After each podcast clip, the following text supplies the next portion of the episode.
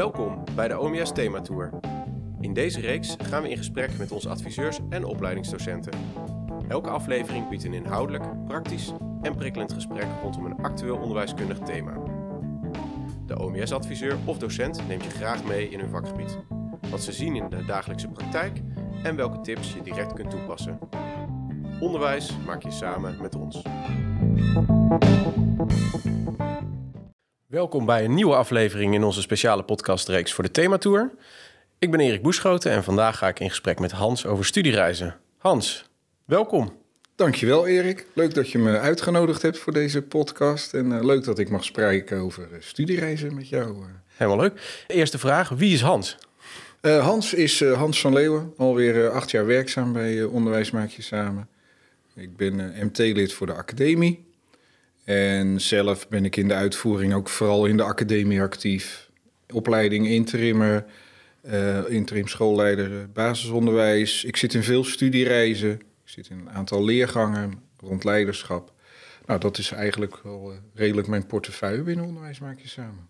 Ja, dankjewel. En over studiereizen gaan we het hebben. Jij, ja. jij gaat op veel verschillende studiereizen binnen Onderwijs Maak Je Samen. Dat, uh, dat voorrecht heb ik zeker, Erik. Ja, inderdaad. Ja. ja. En wat was je laatste reis? Mijn laatste reis was afgelopen april, vorige maand. Uh, begin april was ik uh, nog in, in uh, Finland, in Helsinki-regio dit keer. Ja. Leuk.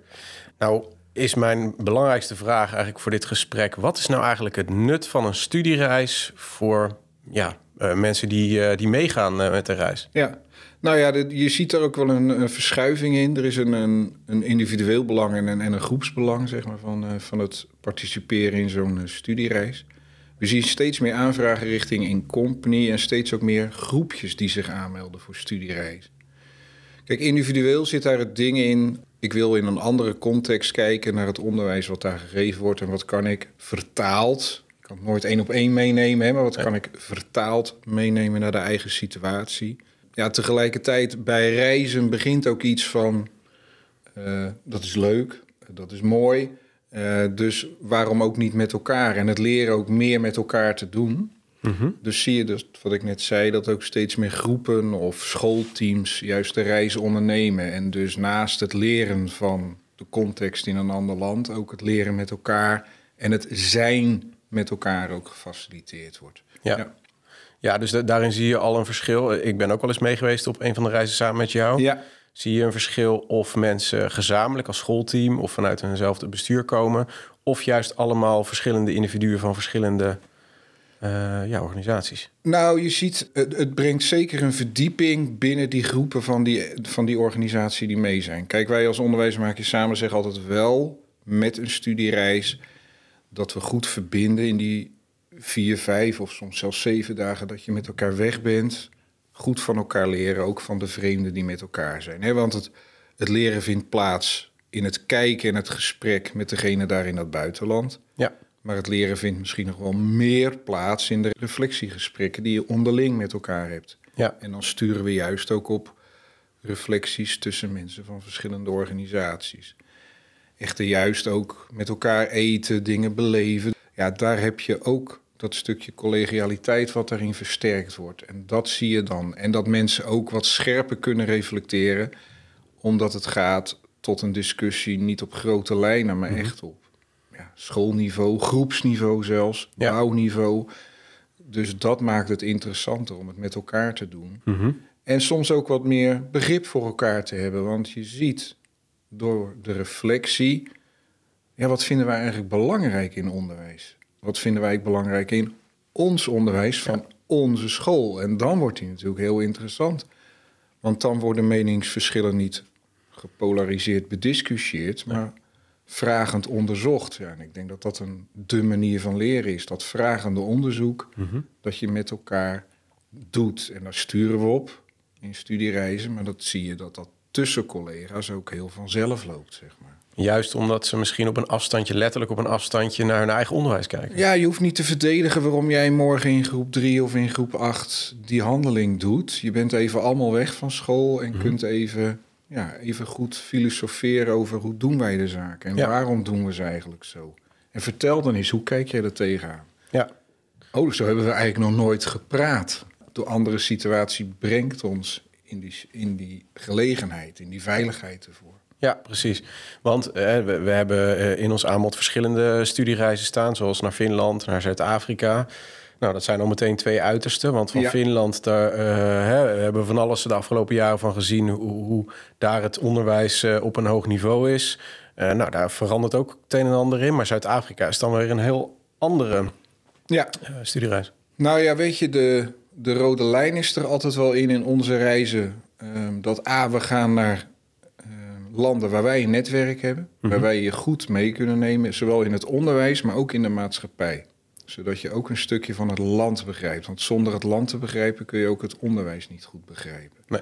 Dus maatschappij en onderwijs laten we je altijd zien of je nou naar Finland gaat of naar Zuid-Afrika gaat. Ja. En inderdaad, waar Finland echt over didactiek en schoolorganisatie gaat, gaat het in Zuid-Afrika veel meer om schoolorganisatie, leiding geven. En met mhm. name, wat is de context van de school?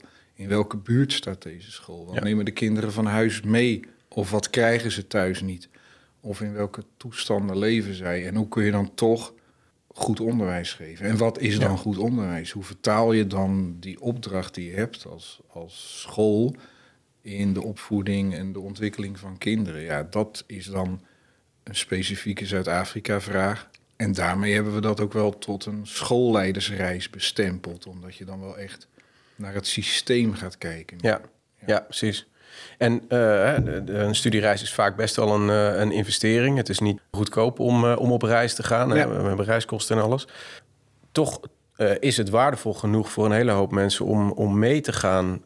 Maar als je iets zou mogen benoemen wat, wat ja, wat in al die studiereizen zit, hè? ongeacht waar het dan is, ongeacht wat het kost. Wat, wat zou dan iets zijn wat je, nou ja, een, een rode draad eigenlijk door, uh, door al die reizen uh, heen? Ja, ik zou dan toch twee woorden kiezen, eigenwijs: inspiratie en reflectie. Ja. Er wordt wel eens gevraagd: kunnen we niet goedkoper doen door met z'n allen naar Groningen te gaan? Ja, het antwoord is volmondig ja. Dat stukken goedkoper en kan net zo gezellig zijn en net zo inspirerend zijn. Hooguit mis je even dat die context van het land mee verandert. Dus dat je al snel weer in het Nederlandse systemen zit te denken. En ik merk dat het echt willen doorgronden van een ander systeem je nog fundamenteler laat nadenken. Wat is onderwijs en wat doe ik daarin? En wat laat ik daarin? Uh, dus die inspiratie die je krijgt dat je je verbaast, dat je verwonderd bent, geraakt bent door details. En iedereen pikt zijn eigen details eruit en dan komt die reflectie. En ik merk dat, laat het maar even de luxe van, hè, want voor, mhm. die, voor dat geld geven we ook een mooi hotel, geven een keurig verzorgde reis. De bus staat netjes klaar, of de busjes in Zuid-Afrika. Zelfs met de buschauffeur hebben we een relatie, om het zo maar te zeggen.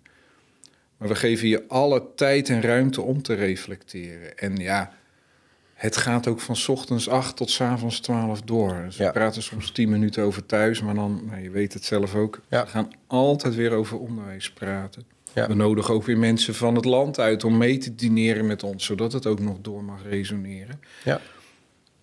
Dus die zeer open reflectie vanuit die inspiratie, ja, dat, dat is wel het gouden wat dan een heel duurzaam effect kan geven. Waar mensen echt nog maanden of jaren opteren, gewoon op de energie die dat gegeven heeft.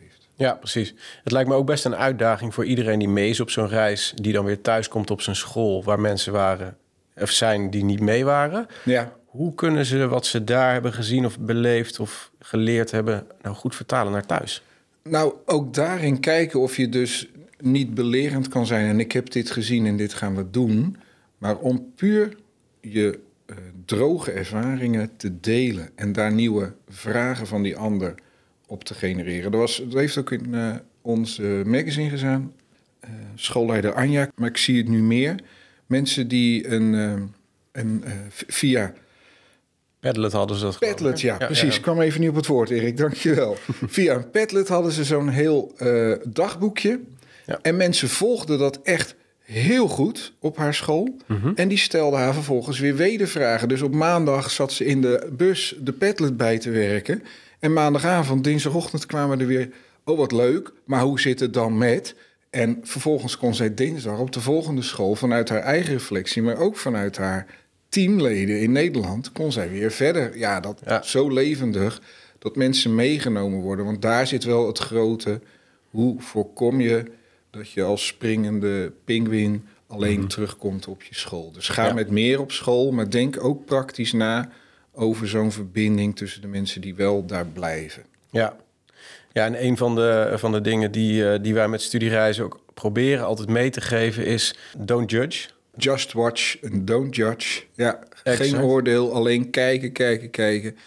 En snap ik wat hier gebeurt en snap ik waarom ze het zo doen. Ja. En als je dat doorhebt, gewoon ander land doet het op die manier, dan kun je gaan kijken, waarom doen wij het eigenlijk zo? Ja, Omdat het moet, omdat het goed is, is het de bedoeling vanuit ons strategisch beleid binnen het bestuur. ja, En dat maakt het mooi los. Ja, het gaat echt wel weer over. Als je goed in die reflectie vanuit die inspiratie komt, durven we ons waarom ter discussie te stellen. Hebben we hetzelfde waarom voor ogen? Ja, dat is prachtig. ja. En voor mensen die een, een studiereis overwegen... Zijn er dingen die jij zou willen meegeven in die overweging... voordat ze een keuze maken om te gaan... of met meerdere of een plek? Nou, bijvoorbeeld, eh, gaat het puur om onderwijskwaliteit of gaat het om manieren van organiseren? Er wordt wel vaak bijvoorbeeld gepersonaliseerd leren. Nou, definieer wat je wilt gaan zi- zien en onderzoek goed. Bel ook met aanbieders. Ja, ga ik dat daar überhaupt wel vinden? Want Ja. gepersonaliseerd leren is in het buitenland iets totaal anders dan in Nederland.